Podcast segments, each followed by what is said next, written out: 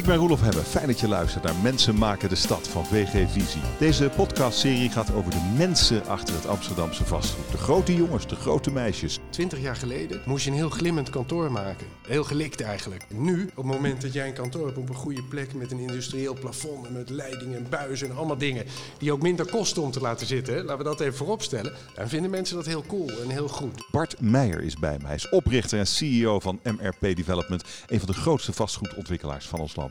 Welkom, fijn dat je er bent. Dank. Telg uit een echte Haagse vastgoedfamilie, derde generatie. Je opa was aannemer, je vader is Ton Meijer van MAP. Uh, kwam er bij jullie thuis cement uit de kraan, vroeg ik me af. Ik denk het wel, ja. ik denk, uh, ik heb laatst eens naar onze stamboom uh, zitten kijken. En daar zag ik uh, een lange reeks van mensen die in de. Het begon met timmermannen eigenlijk. Een stuk of zes generaties geleden, vijf. En sindsdien is eigenlijk aan vaders kant is dat nooit veranderd. Dus jij, het kon niet anders dan dat jij in het vastgoed ging? Voorbestemming?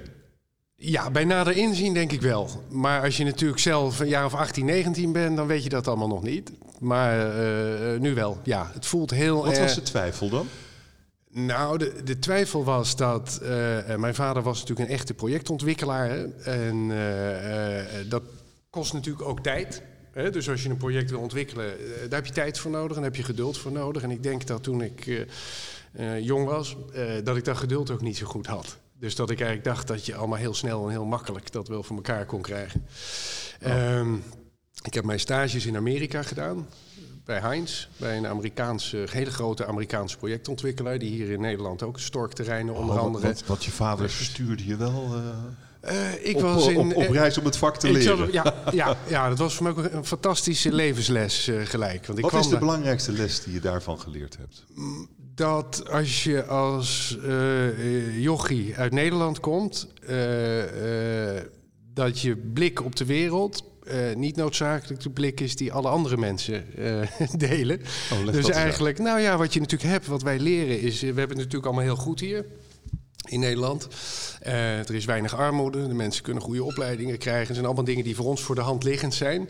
En ja, wij leerden natuurlijk op school dat in Amerika dat helemaal niet het geval was. Hè? En dat dat allemaal wel anders was. En ik liet het natuurlijk ook niet na om toen ik daar uit, uitgenodigd werd om een hapje te eten bij die familie Heinz. Om natuurlijk dan ook mijn mening te gaan geven. En toen zeiden ze wel even, dat heb ik ook nooit vergeten. Zeiden we spreken niet over politiek en religie en dat soort dingen hier aan tafel. Dus stop maar. En dat was een goeie. Je kreeg op je kop. Dus ik, beetje, ja, ja. Zo van niemand zit te wachten op jouw mening eigenlijk. Joh. de de snotneus ja. uit Den Haag. Ja, Echt precies. waar. Ja, dat was een goede les. En hoe heb je die les meegenomen in de rest van je leven? Nou ja, dat ik denk dat wat ik daar eigenlijk heb geleerd is, is uh, natuurlijk wanneer je niet in je uh, vertrouwde omgeving bent, dan leer je natuurlijk ook wat je zwaktes zijn. Eigenlijk. En jouw zwakte is dan? Nou, ik denk dat de zwakte is dat je natuurlijk, wanneer je een vader hebt die succesvol is, hè, en een, uh, dat je toch altijd wel denkt dat het allemaal best makkelijk kan, hè, en makkelijk gaat. En, uh, nou dat ja. wat, wat, dat mak, wat makkelijk gaat en kan? Nou, dat wanneer je natuurlijk ziet hoe iemand een bedrijf, hè, wanneer je natuurlijk een adolescent, je bent 16, 17, 18, en je ziet, mijn vader heeft dat bedrijf echt van niks opgebouwd ja. eigenlijk, hè, die heeft hij niet overgenomen van zijn vader, dan denk ik dat je dat altijd veel eenvoudiger ziet natuurlijk, dan wanneer je de persoon bent die daar door de modder heen aan het uh, stampen is.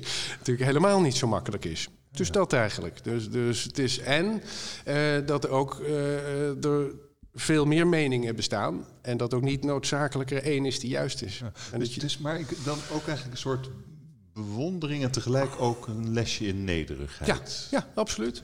Absoluut. ja. ja. Interessant. Ik, um, ik wil je nog een beetje beter leren kennen. Mag ik je een paar vragen stellen? Ja, ik ik ja. verwacht een kort antwoord. Ja, Daarna krijg je ruimte om het toe te lichten. Uh -huh. Wat is je grootste succes?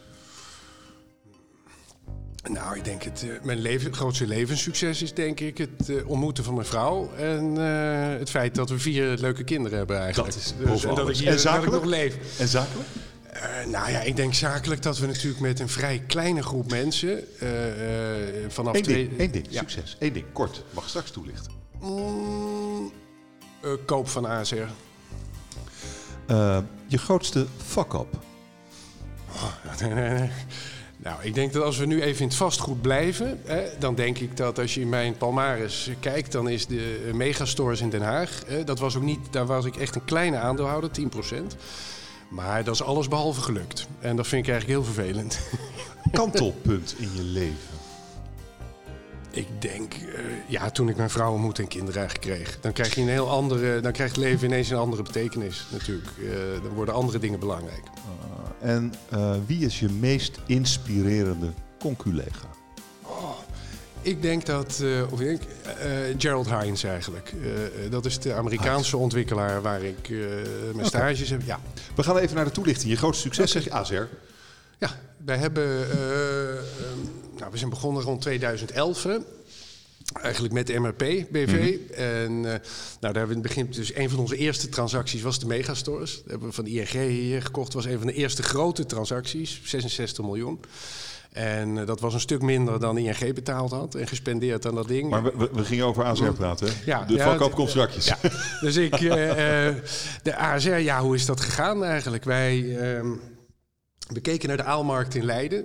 dat is een, een, klein winkelcentrum eigenlijk, in het oude centrum van Leiden. En dat was eigendom van ASR. Um, en op een gegeven moment zei de directeur van ASR aan ons... Zei, luister, wij zijn aan het kijken, we hebben al een aantal keren gekeken... om onze ontwikkeltak te verkopen met uh, uh, een aantal projecten die we hebben en ook het personeel wat er werkt, alle mensen. Nou, waarop wij natuurlijk uh, interesse hebben getoond. Nou, een, een ontzettend mooi bedrijf, natuurlijk ASG. Dat is de oude de, de, samengang van mm. Fortis en William Properties en een aantal andere. Er zaten hele getalenteerde mensen allemaal in. En Deloitte heeft toen een, een, tender georganiseerd. Echt in de staart van de crisis was het nog in Nederland. Dat was echt nog toen mensen vrij pessimistisch waren. Een tender georganiseerd voor de overname. En daar hebben we denk ik met twintig partijen uh, hebben daar meegedaan. En wij zijn toen uitgekozen. Uh, eigenlijk gek genoeg heb ik het eerst met Heinz samen gedaan. 50-50. Maar omdat natuurlijk, uh, of natuurlijk, maar in die tijd 2016 was het gevoel internationaal over de markt in Nederland nog niet zo sterk. Mensen wisten hmm. niet of hij terug ging komen. Dus een maand voordat we uh, zouden gaan draaien, zei Heinz, ja sorry, maar één iemand in ons investment committee die um, heeft nee gezegd. Dus ging niet door. Je stond dus er alleen ging voor. Niet door. Dus toen hebben en je hebt doorgezet. Ja. En waarom is dat dan het grootste succes? Nou, omdat ik eigenlijk daarmee uh, een, een, enorme stap voorwaarts heb gezet. Dus daarmee hebben we de mensen in ons bedrijf kunnen halen. Want het gaat om mensen. In onze business is een mensenbusiness. Je kan de grootste zak geld hebben, maar als je geen talent hebt... Uh, we haalden daarmee in één klap hele goede mensen binnen en uh, hele mooie projecten. Nou, um, Oké, okay. en de grootste fuck-up, dan zeg je meteen Megastores ja. Den Haag. Ja. wat ging daar mis? Hoe groot was de fuck-up? Laten we daar, heeft het veel geld gekost? Nou, voor mij was het betrekkelijk omdat ik 10% maar had. Dus ik zal je oh. even het kort in een, in een, uh, hoe zeggen, een beetje in de context ja. plaatsen. Dus rond 2012, 13, uh, dus die markt was echt nog aan het slapen. Uh, kwam ons ter oren dat de megastores te, te, koop was. Nou, dat was een gebouw wat een van de grootste grootste overdekte winkelcentra in heel Europa. En eigenlijk gemaakt als een tegenhanger van het Alexandrium in Rotterdam. En dat ding kwam te koop, maar dat was vroeger voor 150, 160 miljoen euro verkocht, dat gebouw. Uh, grote problemen met leegstand. Uh, dus er zat natuurlijk een heel groot meubelgedeelte in. Nou, dat had geleden tijdens de crisis een groot megagedeelte. Alleen maar winkels boven 1000 meter, die hadden ook geleden. En dan nog daily shopping eigenlijk. Nou, we hebben daar een Engels hedgefonds uh, bij gehaald. Dat was natuurlijk ontzettend moeilijk om te financieren uh, in die tijd, want niemand, niemand wilde. Engels hedgefonds, wat zich eigenlijk specialiseerde in het opkopen van leningsportefeuilles en allerlei hele riskante posities. En die hebben als allereerste vastgoeddeel in drie weken gezegd, nou, we doen mee. Dat is goed. Waarin wij 10% hadden, dus ook 10% van, van de centen, maar dat was heel veel geld voor ons. En zij de rest. Nou, wat was natuurlijk het probleem? Als je 10% hebt, heb je ook niks te zeggen, uh, natuurlijk. Onze partner die wilde zichzelf uit de miserie, uh, uit de miserie eigenlijk uh, investeren. Dus nog meer geld erin, nog meer investeren, nog glimmender maken. En ik zei eigenlijk, luister, het gaat puur om de content bij dat gebouw. We moeten het geld stoppen in tenants, we moeten het geld stoppen in events en niet daarin. Nou, daarover waren we het gewoon oneens. En nu is het verkocht, vier maanden geleden of vijf. En heeft je best een berg geld gekost dus eigenlijk? En mijn equity die ben ik voor het grootste deel kwijt. Oeh, au, ja. Au, ja. Dus dat was heel vervelend, ook ja. omdat het natuurlijk mijn stad is. Maar het, ja, waar ik geboren ben. Maar het heeft je misschien geleerd om uh, nooit meer 10% in iets te nemen. Nee, Nee, dat klopt, want je zit achter op de fiets eigenlijk. En ik moest gewoon meegaan. En ja, dat heeft het gedaan. Ik vind het nog steeds heel jammer, maar je kan niet altijd, uh, kan niet altijd goed gaan. Ja, kantelpunten in je leven. Nou ja, toen je je vrouw ontmoet. Ja. Kinderen, dat is gewoon Ja. geluk. Ja. Eh, en dat is natuurlijk voor iedereen voor wie dat, dat geluk is en nog steeds is een enorm groot goed. Eh, ik wil graag door naar je meest inspirerende conculega. En dan zegt Gerald Heinz, Ja. die je dus eigenlijk al heel, heel erg lang kent. Eh, ja, ja, want ik ben in 1989 in eh, Houston voor het eerst aangekomen. En toen ging ik eigenlijk voor drie weken. Ik was nooit een heel fanatieke student. Ik vond school helemaal niet leuk.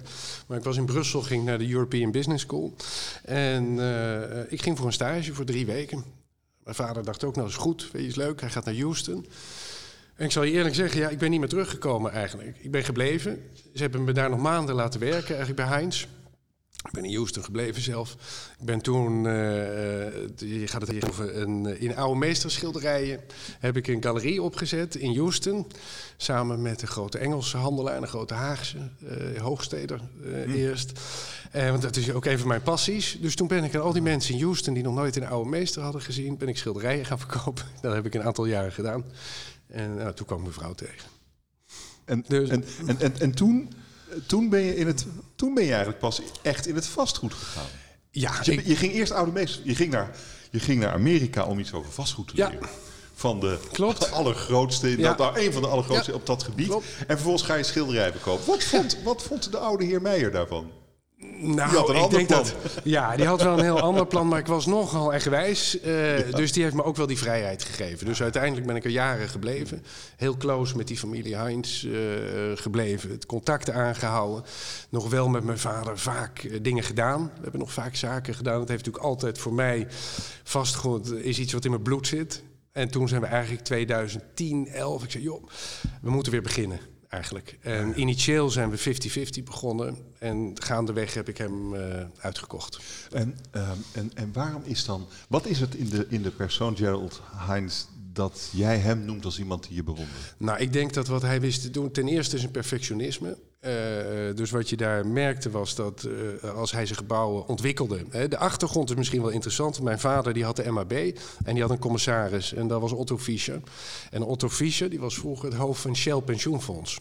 Eh, en Shell Pensioenfonds was een van de grootste beleggers in de hele wereld. En Fischer die eh, zocht voor eh, Shell Plaza in Houston moest hij eh, een ontwikkelaar hebben. En die hebben een grote tender gedaan. En toen kwam die Heinz dus, die nog nooit een groot gebouw had gemaakt, die kwam bij hem. En die liet hem zijn plan zien. En die liet hem zien hoe hij de deurkrukken ging maken. En hoe hij het beter ging doen. En hoe hij het mooier ging doen.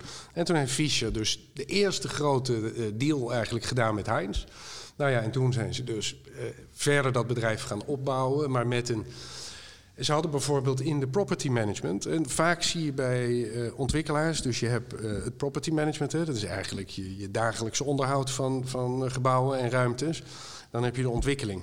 Hè. Dus normaal wat er gebeurt is, iemand ontwikkelt een gebouw en verkoopt het. Dan zeg je nou, weg, het ding is weg. Wat deed Heinz heel knap? Ze we verkopen het aan jou, maar we onderhouden het ook voor je. En dat doen we voor een heel goed bedrag. En dat doen we zo goed dat je onderhoudskosten 20% lager zijn.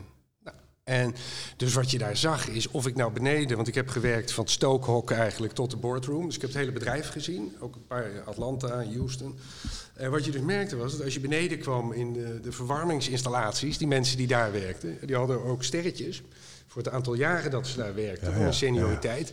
Ja, en de trots die ze hadden op hun werk. En de- dus die wist mensen te inspireren ja, op een hele goede manier. Waardoor ze, waardoor ze dus eigenlijk eh, eh, ja, heel... Maar dat, is, maar dat is inspiratie. Ja, Ja. oh, mensen. Eh, maar ook eh, nog even een mooi verdienmodel, namelijk het eh, onderhoud ja, in de dealfiets. juist. Dus dat is natuurlijk mooi.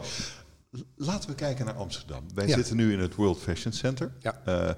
Drie van de vier torens zijn van jou. Eh, een paar jaar geleden gekocht. Toen Mhm. De markt, nou ja, het- we hadden het best moeilijk in de economie. Ehm, ik vraag me af, wat zag je erin? Ja, het is eigenlijk een, het is zelfs eerder begonnen. Ik heb laatst eens gekeken. Ik ben in december 2011 daarmee begonnen. al? Ja, ja. Wat, wat was je gevoel? Wat zag je erin? Nou, wat je ziet is, kijk, ik, ik, eh, wat ik zag was een, eh, een, een e- enorm goede locatie eigenlijk. Dat is één, een hele goede plek. Eh, een gebouw met een enorm potentie eigenlijk. Hè, die dus qua volume, qua heel goed gebouwd. Maar wat voor potentie zag je erin dan? Uh, nou, de potentie om eigenlijk van een mono-gebouw een mixed-use gebouw te maken. Dus om te zeggen, kijk, toen dit gebouw uh, bedacht is, eigenlijk in 1968, mijn geboortejaar, toen uh, was dit een, een initiatief van de confectie mannen die allemaal op de grachten zaten. Dus traditioneel zaten die allemaal op de grachten. Maar dat werd natuurlijk onmogelijk met het verkeer. Dus die hebben het initiatief toen samengenomen om als aandeelhouders eigenlijk... ze zijn eerst aandeelhouders allemaal geweest van dat WFC. Een heel aantal huren hier ook nog steeds. Die zitten er nog, die zitten er gewoon 50 jaar al. En toen hebben ze dat ding ontwikkeld in een aantal fases. Puur B2B fashion ja, eigenlijk. toen kwam internet. Toen kwam internet. En weet je wat nou zo leuk is? Dat eigenlijk... Uh, um, het heel erg. onze huurders, we hebben er bijna 350 hier. Uh, we hebben toen we het gebouw kochten uh, gezegd: wij willen fashion daarin houden. Dus we gaan ze niet weg. Mm. We willen het houden, omdat we mm. vinden dat het een pilaar is van Amsterdam en van het gebouw. Dus we hebben met alle fashionhuurders een, een, een deal gemaakt dat ze naar één toren zouden verhuizen. Allemaal samen, dat we het kunnen concentreren en dat we ze een, een schappelijke huur geven. Uh, ja. Dus dat ze ook kunnen blijven. Dat maar, maar wat, wat, je zegt ja, mixed use. Uh, maar wat was het nou? Wat, wat zag je nou voor je toen je in, de, in, in, in, ja, in elf dacht van ja, dit, dit ga ik kopen? Nou, ik, ik kan het je wel zeggen. Een gigantische plint hebben we uh, hierbij. Dus ik weet niet of ik zal je graag een keer het ook laten zien. Een gigantische eigenlijk een soort quasi-winkelcentrum oh. waar, geen, waar alleen maar showrooms dus zijn. Gigantische kelders hebben we eronder. Het is een enorm gebouw. We hebben hier achter deze hele parkeerbak. Als je nu naar buiten kijkt, zie je dat er bijna geen ene auto staat. Eigenlijk. Dus uh, het heeft aan de ene kant. Locatie is altijd alles bij ons. Hè. Mm -hmm. Hier een omgeving die enorm snel in ontwikkeling is. Dus als je kijkt naar de flats aan de overkant, nou dat is een jaar of 18 geleden. Nu Boelens de Gruiter hiernaast. Die gaan we 600 appartementen doen. Daarnaast is Lingotto bezig. Dus wat je ook ziet is, er wordt een hele nieuwe stad gecreëerd hier. Ja, en daar zijn wij een heel belangrijke plek in. Ja, Waarom? Ja, ja. Omdat we zitten hier heel dicht bij het station Lelylaan. We hebben ook vanaf het, straks een shuttle. Die gaat naar het station om mensen te brengen in de winter, heen en weer. Uh, horeca is heel belangrijk, omdat we een heleboel young professionals hebben. Ook in die toren van Vola en Rijs daar. Zitten een heleboel mensen short stay. Die hebben geen tijd om te koken, die hebben geen tijd om te... Dus het is echt de pilaren voor ons kantoorgebouw zijn creative, fashion. Hè? Dus we hebben fotografen we hebben fashion designers, we hebben distributeurs. Uh, tech vinden we ook echt huurders die we heel graag willen hebben. Dus daar zijn we nu ook, ik mag met een hele, hele gave huurder bezig. Dat wordt binnenkort, uh, een paar, ik mag nog niet zeggen, maar het komt een persbericht. Een paar die hebben uh, ah, drie, vier we, zijn onder, we zijn onder ons. Een hele mooie. Ik zal zo even vragen of ik kan zeggen. Dan, uh, ja, echt een hele gave huurder. Dus we zijn langzaam bezig eigenlijk met functies erbij. Te, te, en... Hmm, maar eigenlijk, wat je hier zegt, is ja. eigenlijk zag je hier een wijk, misschien ja. wel een stad in een stad. Dat is het ja. de, de, visie die je had. Dat is interessant. Juist. Maar uh, naar verluid, ik heb het ja. voorbereid op ons gesprek. Naar verluid heb je er 125 miljoen voor betaald. Uh, de, uh, 110, 109, 110 miljoen oh. voor belasting. Um, in in 18 was het niet zo goed. In, mm. in 20 is het nog veel erger. Mm. er zit een crisis aan te komen. We, we, we zitten in een enorme krimp. Ja. Zit jij met zo'n enorme investering? Ja, kijk, ik denk dat we moeten natuurlijk altijd, wat ik altijd probeer te doen, ik kijk heel vaak naar het nieuws en ik lees de kranten, maar ik probeer ook altijd zelf uh, te denken over dingen. En weet je, een paar dingen die wel belangrijk zijn, ook wel misschien fijn voor mensen om te horen. Eén, uh, wij hebben hier natuurlijk de mode-industrie in ons gebouw zitten. En uh, waar ik ook al gelijk toen de corona eigenlijk begon, grote zorgen in de, in de kranten, hè, het ging allemaal mm -hmm. daar ook. Mm -hmm. Ik, onze huurders hebben heel goed betaald. Heel goed. En dan praat ik ook over. We hebben natuurlijk dingen gedaan. We zijn ze tegemoet gekomen voor zover we konden. Maar we hebben echt boven de 90 procent. Oh, uh, maar, maar, dus je, hebt ook, maar je hebt ook leeg, leegstand. Heel, we hebben hier 30 procent leegstand nou ja, ongeveer. Dat is toch best veel. Maar die hadden we ook ervoor. En we verhuren oh. heel veel. Dus we verhuren heel veel. Ja. Niet op de Zuidalsprijzen, maar we verhuren heel veel. Dus ik denk, uh, ik ben vrij uh, optimistisch ja. over de toekomst. Zal je ook zeggen waarom eigenlijk? Ja, wat er gebeurd is in mijn optiek is, er zijn drie maanden weg van dit jaar en vier. En er is een heleboel vertrouwen weg eigenlijk. Er zijn een aantal sectoren die gruwelijk geraakt zijn. Als je bijvoorbeeld uh, kijkt naar de hele entertainment sector, als je kijkt naar retail. Mm. En nou, dat gaat natuurlijk grote horeca, grote impact hebben op een heleboel uh, uh, sectoren. Als je kijkt naar Amsterdam, hè, even en Nederland als land, hoe populair wij zijn eigenlijk internationaal. Hoe graag mensen hier willen werken en wonen, uh, studeren, uh, noem het maar op. Als je daarnaar kijkt, dan kan je zeggen... we gaan echt wel wat pijn hebben hiervan. Maar uh, uh, de betaalbare appartementen... Hè, want dat is wat ik het liefste... wat doe je betaalbaar? 300.000 euro, 250.000 euro.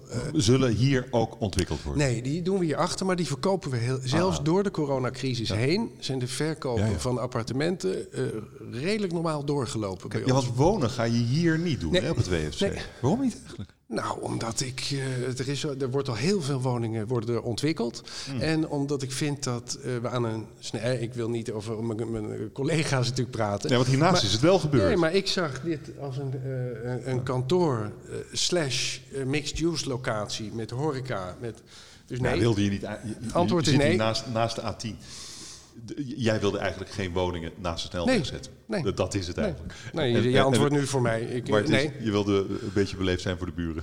Ja, ik, ik, ik nee. Oké, okay, uh, de, de, de, de truc is natuurlijk om het... En die zitten er ook verder vanaf de buren. Dus oh, oké, oké. Wij, zijn, nou ja. wij zijn eigenlijk het geluidsscherm van... ja. Nou ja, goed. Laten we vooral over, over, over jou praten. Um, uh, dit moet natuurlijk winstgevend worden. En jij -hmm. ziet een enorm potentieel. Uh, je noemt het ook Westas. Als we hier naar buiten ja. kijken, zien we Zuidas. Ja. Ja. Uh, daar kost, uh, kost het geloof ik 400 tot 500 per meter. Mm. Hier heb je tussen 2 en 300? 2 en 300, tussen 2 en 300 euro nu.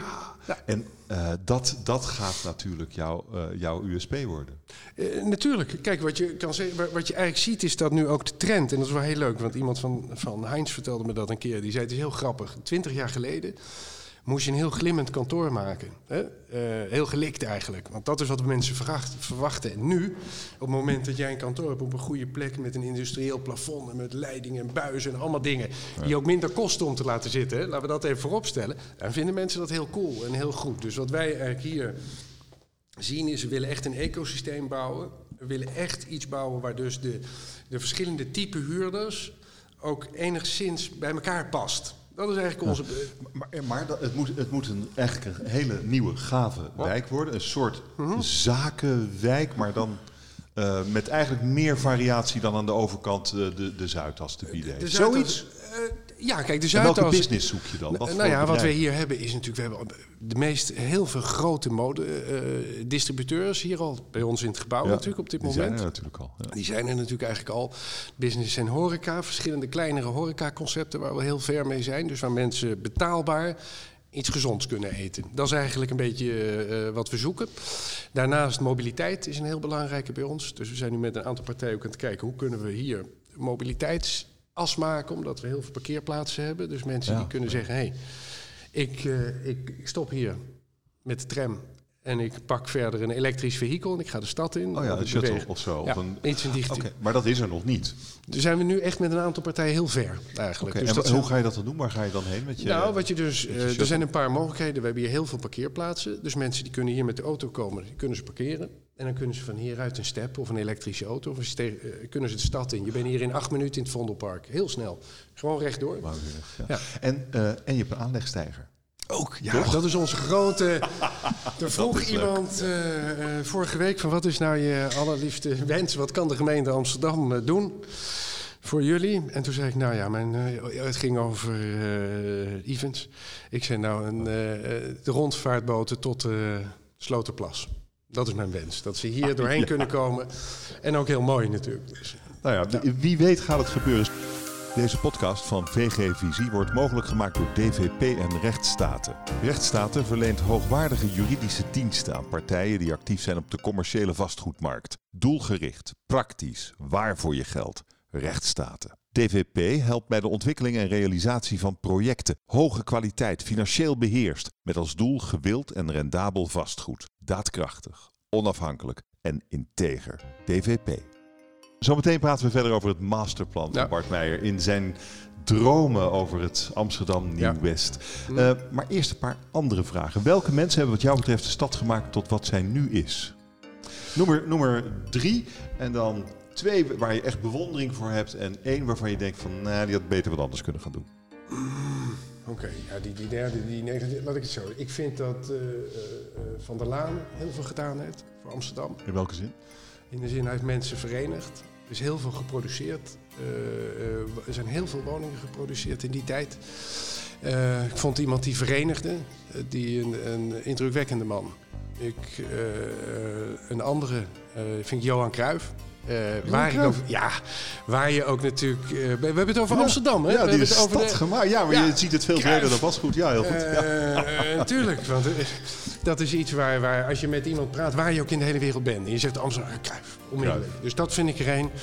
Ik vind Rembrandt, ook iemand natuurlijk, echt de Amsterdammer... die natuurlijk iets van Haarlemmer was. Die natuurlijk ook onze stad enorm op de kaart heeft gezet. Die iedereen kent in de wereld. Dus ik denk dat dat zijn voor mij wel... Rembrandt was toch Leiden? Ja, hij is naar Amsterdam gegaan. Ja, ja. ja, ah, nou ja. Hij heeft een schitterend, hij is schitterende schilderij gemaakt. uh, Oké, en dan iemand van wie je denkt van nou, die had met zijn tengels van de stad af moeten blijven. Ja, ik vind dat moeilijk. Weet je waarom? Ik heb altijd één ding eh, geleerd en dat is, joh, als je niks leuks te zeggen hebt, hou je kop gewoon dicht. Ja, uh, ik ga er niet echt met. Ik antwoord iedere vraag, maar dat vind ik niet belangrijk. Um, Oké, sorry. Um, wat, wat, zegt dat jij, dat jij deze plek gekocht hebt, ja. het, uh, het, World Fashion Center? Uh, wat zegt dat over jou als vastgoedondernemer? Nou, ik denk dat ik inzie eigenlijk dat onze business best heel moeilijk is. Hè? Als je ehm, niet op het juiste moment in de cyclus ik ga nu iets ingewikkelds zeggen, eigenlijk instapt. En wanneer je kijkt naar dit gebouw, hè, zonder dat ik in heel veel details ga, maar kijk, je hebt net een prijs genoemd, eh, nou, die, die, dat, die, klopt. Uh, uh, en als je dan kijkt naar ehm, de huur die er uit het gebouw komt, hè, die, die, die gezond is, dan heb je dus eigenlijk op het moment van aankoop met de leegstand daarbij genomen en het feit dat wij hier sommige huurders hebben die minder dan 50 euro betalen. Dus er zijn contracten die dan natuurlijk waren die wij eh, honoreren. Dat is, tuurlijk, wij hebben hier de gekste dingen. Maar daar wil je wel snel vanaf, denk ik. Ja, maar dat zijn contracten. Dus daar kan je pas vanaf als ze afgelopen zijn. Dat is niet, uh, en dat, zijn dus, ja, dat zat er ook bij, snap je? Ah, dus, dus uh, daarin kan je eigenlijk zeggen... Uh, op het moment dat we het gebouw kost, kochten... was het echt een werkhuis, maar wel positief. Nou, en nu met de extra dus... ik, denk dag en nacht aan mijn business, maar ik, deze hoeven we niet wakker van te liggen. In die nee, nee, het draait eigenlijk. Het is eigenlijk het al draait, machine. Ja, en dat is het. Ik heb het aan mijn zoon uitgelegd. Eigenlijk, toen hadden we het erover. Toen zei papa, ik zal het je uitleggen, Toontje. Weet je, uh, je kan twee. Je hebt sommige mensen die kopen een nieuwe bus. En uh, ja, die bus die kost veel geld. En dat betekent dat die bus iedere dag vol moet zitten. Want anders kunnen ze die bus niet meer betalen. Dan gaan ze failliet. Dat is een groot probleem. Die papa die heeft de oude bus gekocht. En die zit al half vol. Uh, en die mensen die zitten daar al lang. Dus iedere passagier die we erbij nemen, verdienen we extra centjes. En omdat die oud is, hoeven we niet Nou ja, dat is een beetje... Hier heeft Toontje een les geleerd. De vierde generatie. Ja, ja. ja. leuk. Um, Oké, dus het, maar wat zegt het nou over jou als ondernemer? Dat, nou, dat je hier in elk geval eens een slimme zet gedaan hebt. Dat je je kunt veroorloven, misschien dat je je kunt veroorloven om uh, hier iets gaafs van te maken. Dat de tijdsdruk misschien niet zo hoog is. En dat, ja, ja, dat, absoluut. Dat, het echt gaaf nee, Kijk, wat het moeilijke natuurlijk van onze business is... en dat is iets waar, waar wij, maar al mijn collega's natuurlijk ook mee te maken hebben... Uh, dat is, de, er is een, ik zal het je uitleggen. Je hebt een tender bijvoorbeeld. Hè? Dus een, een, eh, nou, die tender die wint een bepaalde partij. En wanneer je een, eh, ik zeg maar in België of in Frankrijk of in andere landen, dan uh, zie je heel vaak dat zeker als het om woningbouw gaat, dat de banken uh, daar een financiering in doen. Dus dat wil dus eigenlijk zeggen iemand die, die die wint een tent, die kan 100 of 50 of 20 woningen maken. Nou, die gaat naar de bank toe, normaal in België, ik geef hem of in Duitsland. En die zegt, nou bank, ik heb 50 sociale woningen die ik ga bouwen. En ik heb een fantastische bouwer die dat gaat doen. Mag ik centjes hebben? Nou, dat is natuurlijk ook na onze crisis van 2008 nog niet zo evident, om het maar even, hè, niet zo makkelijk. Uh, en dat betekent dat heel vaak de projectontwikkelaars heel vroeg, voordat ze eigenlijk weten hoe precies de kosten eruit gaan zien en alles, al het project moeten verkopen. Ja. En die, dat fenomeen, dat zorgt dus uh, dat eigenlijk je altijd tussen de hamer en het aanbeeld zit. Want je zit tussen die aannemer, ja, die zegt het is jouw uh, aan de ene kant. En aan de andere kant heb je een belegger, en dat is een financiële instelling. Ja, die houdt je gewoon aan het contract. Ja. Nou, en dat maakt dat op het moment dat je uh, dus vrij, je marges klein zijn, is het best een riskante business. Maar jij bent aan die val ontsnapt door het anders te doen. Niet met alle projecten, want wij hebben natuurlijk andere projecten die we natuurlijk wel in een wat vroeger stadium verkopen. Maar bij deze zeker, ja. ja. en vind je dit misschien wel de gaafste? Ja, ik vind het wel heel leuk. Weet je waarom? Ook omdat, kijk, ik vind het altijd leuk als er mensen zijn. En we hebben hier natuurlijk 300 zoveel bedrijven die zitten. En creatieve bedrijven. En ik vind het heel leuk om met die mensen samen te werken. En met de stad samen te werken. Om te kijken hoe kunnen we hier ja, dat ding laten bloeien. Ja, nou goed, we, we hebben het nu over Amsterdam. Je bent even de grootste van Nederland. Dus, maar, maar dit vind je eigenlijk het gaafste. Dat is toch leuk? Ja, dat vind ik. Ja, ja, ik vind het. En het zit natuurlijk ook um, uh, Amsterdam Nieuw-West. Ja. Westas, Amsterdam Nieuw-West. Misschien, dat is misschien nog wel het, het, het grotere verhaal van wat je aan het doen bent. Hè? Klopt, klopt. Wij hebben uh, eigenlijk, we doen heel veel in Amsterdam Nieuw-West. En het is natuurlijk een, het, is het snelst groeiende gebied in Amsterdam. Uh, er zijn meer dan 150.000 mensen wonen er. Hmm. wat je ziet in Nieuw-West is dat er een, een hele grote stadsvernieuwing eigenlijk is ingezet. 15 jaar geleden al. Uh, ja, die enorm succesvol eigenlijk uh, is. Dus wanneer je kijkt naar de ontwikkelingen daar allemaal, die ook onze, onze collega's aan het doen zijn op het plein. Eén uh, hebben wij samen gedaan met IC Campus. Don Bosco, supermarkt en een, een woontoren daar. Uh, dus wat je eigenlijk ziet is dat het een heel divers gebied aan het worden is. Waar je dus eigenlijk, uh, je hebt de lokale mensen, je hebt studenten, je hebt starters, je hebt heel veel internationale uh, mensen die, die hier in Amsterdam werken, die daar wonen. En je hebt ook een heel dankbaar publiek eigenlijk, want de mensen wonen er ook echt. Snap je? Dus dan wordt de markt is druk, de winkels zijn druk. En wat wij daaraan doen zijn als MRP is eigenlijk het stuk waar uh, Kronenberg, mm. de Westmarkt, nou dat, uh, dat bestaat natuurlijk al lang, dat is heel succesvol. Daarnaast heb je een stuk van Lebo, dat is een van onze uh, collega's daar. En wij gaan nu bouwen het SDK-blok, een 500 woningen ongeveer, stadsdeelkantoorlocatie. We gaan een nieuwe kantoor voor de stad Amsterdam bouwen. Uh, een retail plint beneden. Eigenlijk, nou, dat is dus bijvoorbeeld weer een hele leuke. Een retail plint, uh, zeg ik. Nou ja, daarvan zie je dus nu, na de coronacrisis, uh, merk je dus echt wel dat Niem, dat, ja, dat is best wel moeilijker. Ja. Daar hebben we vanmorgen ook nog een meeting over gehad, om echt even na te denken van ja, wat, wat gaan we nou doen? Nou ja, en wat ga je doen? Nou, dat is eigenlijk dat is wel grappig, want ik kijk altijd naar het buitenland om oplossingen te vinden, of vaak. Eén, ik geloof heel erg, omdat we heel erg dicht bevolkt zijn uh, in horeca, uh, eigenlijk en ook in grote variatie. Dus eigenlijk, ik vind dat in een buurt als deze mensen voor 4, 5 euro warm moeten kunnen eten. Een simpele, goede, warme hap, zoals je het in Azië hebt. Streetfood, goede dingen. Nou, dus ik vind dat we daar uh, heel sterk op moeten inzetten. Uh, uh, veel van dat soort dingen. Speelt corona da daar ook nog een rol in jouw denken, denk je? Mm. Hè, die anderhalve meter, het maximaal aantal mensen in een horeca. Denk je, of denk je dat dat zo tijdelijk is dat jij daar niet over hoeft na te denken? Nou, ik denk dat... Kijk, wat ik vind is natuurlijk voor mij wel belangrijk. Maar wat ik wel merk, ik merk dat er psychologisch kijk, ik ben een ondernemer, hè? dus dan moet je altijd eh, optimistisch zijn. En je, maar wat ik wel merk is dat toch uh, er een bepaalde impact is in de, de, de mm. psyche van mensen. Uh, dat het wel angst heeft gebracht. En dat het wel, dus ik, ik en dat vind ik wel heel negatief. Ja, kan, een effect, kan een effect hebben natuurlijk op, op horeca. dat je, maar goed, hartstikke leuk. Streetfood mm. voor 4, 5 euro warme hap. Um, en het, uh, als de rest van Nieuw-West uh, ja. ja. Het is natuurlijk wel een beetje aan de, aan de andere kant van de A10. Hè? Ja, kijk, dat, dat is, is wel. Hoe breng je het in contact met waar we nu zijn, het WFC? Nou, kijk, ik denk dat dat ook allemaal vanzelf natuurlijk. Wat je ziet is Amsterdam groeit zo ontzettend snel. Uh, je moet natuurlijk zien dat wij praten ook met bedrijven die ruimtes uh, zoeken hier. En de een die komt dan en die zegt, we willen hier met 600 mensen mm. naar Amsterdam komen. En echt getallen waar je rot van schrikt als je kijkt naar de staat van de, de woningmarkt. Dus ik denk dat die het is al lang gebeurd eigenlijk. Als je op het Osdorpplein nu bent, in, daar zie je dus de Amerikanen met hun koffers over het plein heen lopen zo, even voor de corona. Ja, ja, ja, tussen de lokale shoppers en het mixt en het mengt allemaal. En de stad heeft natuurlijk al heel vaak gedacht, hè, daar zijn ook wat studies over, om hier de weg te overdekken eigenlijk. En dat, moet dan nog wel even gebeuren misschien. Dat is een beetje duur ook. En als je natuurlijk kijkt naar eh, even iets verder... want jouw vraag natuurlijk van net over wil je woningen hier doen... dan zeg ik natuurlijk nee, want ik vind het niet een optimale plek. En er zijn al veel woningen. Maar als je dan natuurlijk tien jaar verder kijkt... en je zegt laten we eens even kijken dat we allemaal waterstof of een elektrisch... of geen stinkende auto meer hebben... fantastische plekken. Ja, Maken ze een mooi parkje. Snap je? Dus het is ook wel, ik denk ook wel dat onze wereld, kijk, we zitten in een enorme revolutie. Uh, sociale revolutie, uh, duurzaamheid, uh, techniek, al die dingen.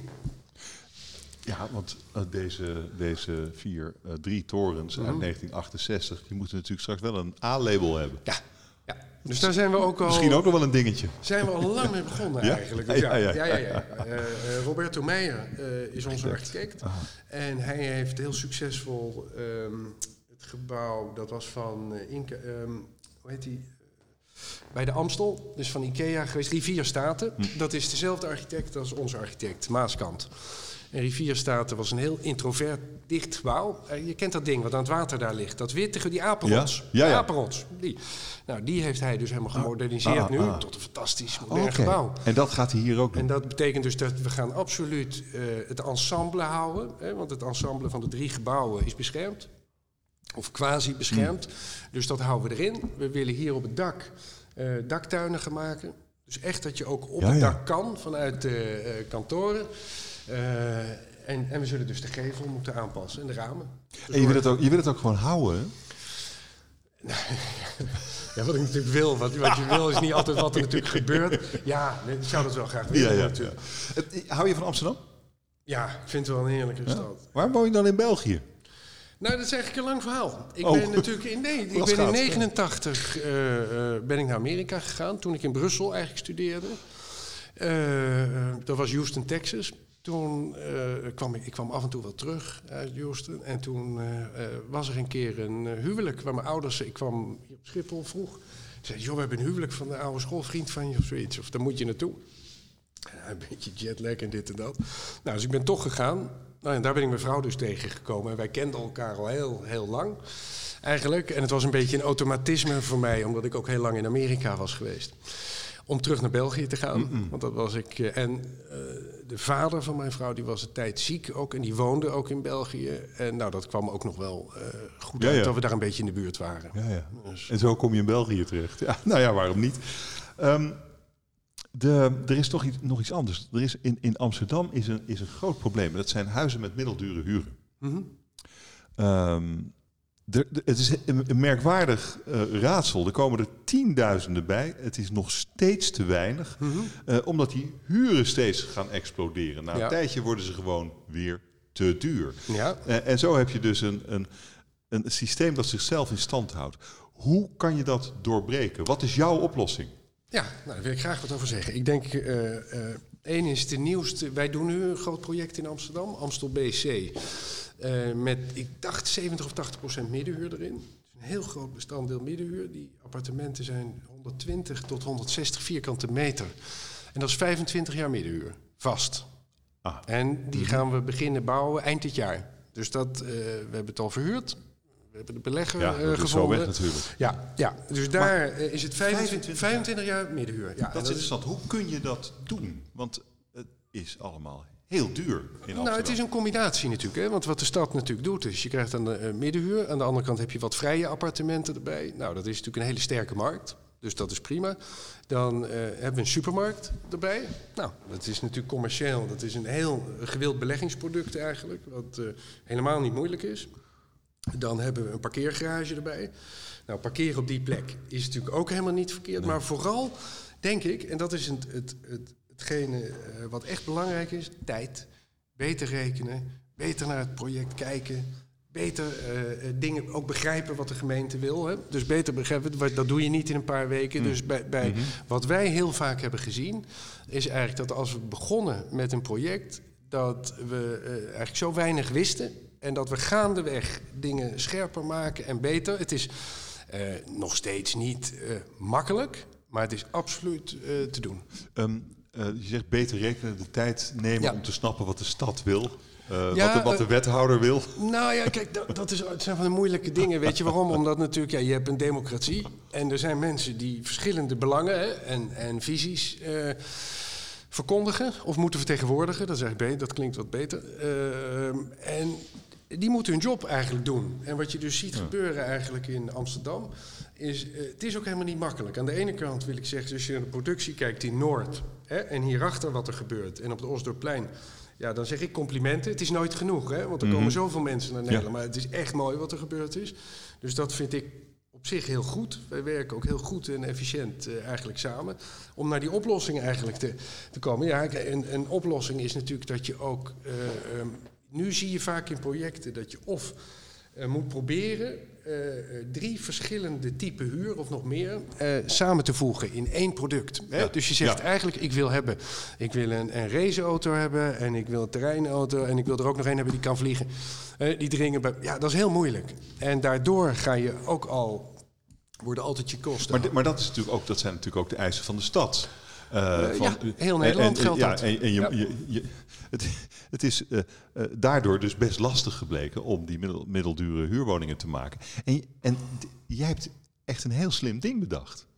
Het, denk ik, die 25 jaar. Want dat is een prachtig compromis, waardoor het eh, vastgoed over 25 jaar zal exploderen in waarde. En tot die tijd er mensen uh, voor een goede huur hebben kunnen wonen. Nou, dit is dus iets van de gemeente Amsterdam. Dit is een initiatief van de gemeente. Er waren drie projecten. Oh, je hebt het niet bedacht? Nee. Nee, wij, wij, waren een van de weinigen die... Uh, Jullie zagen dat het, het, was kon? Een, het was een tender, ja. Ah, en, en die tender die is uitgeschreven en daar is best veel commentaar van de beleggers over geweest. Dat, die, dat het best onmogelijk was hè, om te doen. Uh, wij hebben uh, die tender gewonnen en het mogelijk gemaakt, eigenlijk. Dus dat is, maar dat is dus vooral... En die tijdsfactor is heel belangrijk. Ja, dat je de tijd kan nemen om de juiste supermarktpartij te vinden. Ja, de juiste parkeerpartij dat is echt Om het toch te laten renderen, dat is natuurlijk de grote truc. Je hebt geen haast. Uh, wel een beetje natuurlijk, maar niet extreem. Dan heb je in elk geval de tijd genomen. En dat is dan de truc. denk je dat dit navolging gaat krijgen? Ik denk dat het navolging moet krijgen, omdat we natuurlijk gewoon uh, het nodig hebben. dus ga jij er ook nog een paar doen?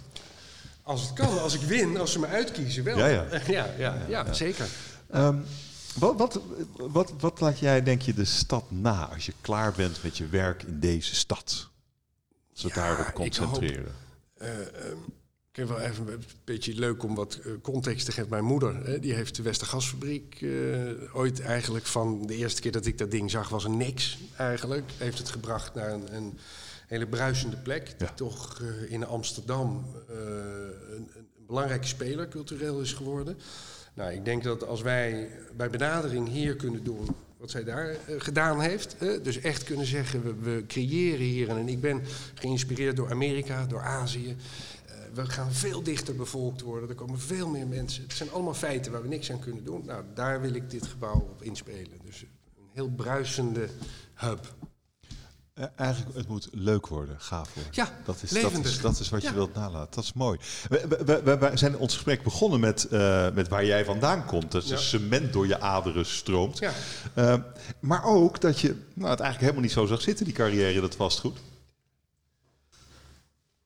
En wat, er, wat er interessant aan is, um, is dat je natuurlijk toch bent gaan doen. Dat je er heel succesvol in bent. Maar wat als je nou wat anders was gaan doen? Ja, dat had natuurlijk ook gekund. Eh, kijk, ik denk en wat was het dan geworden, denk je?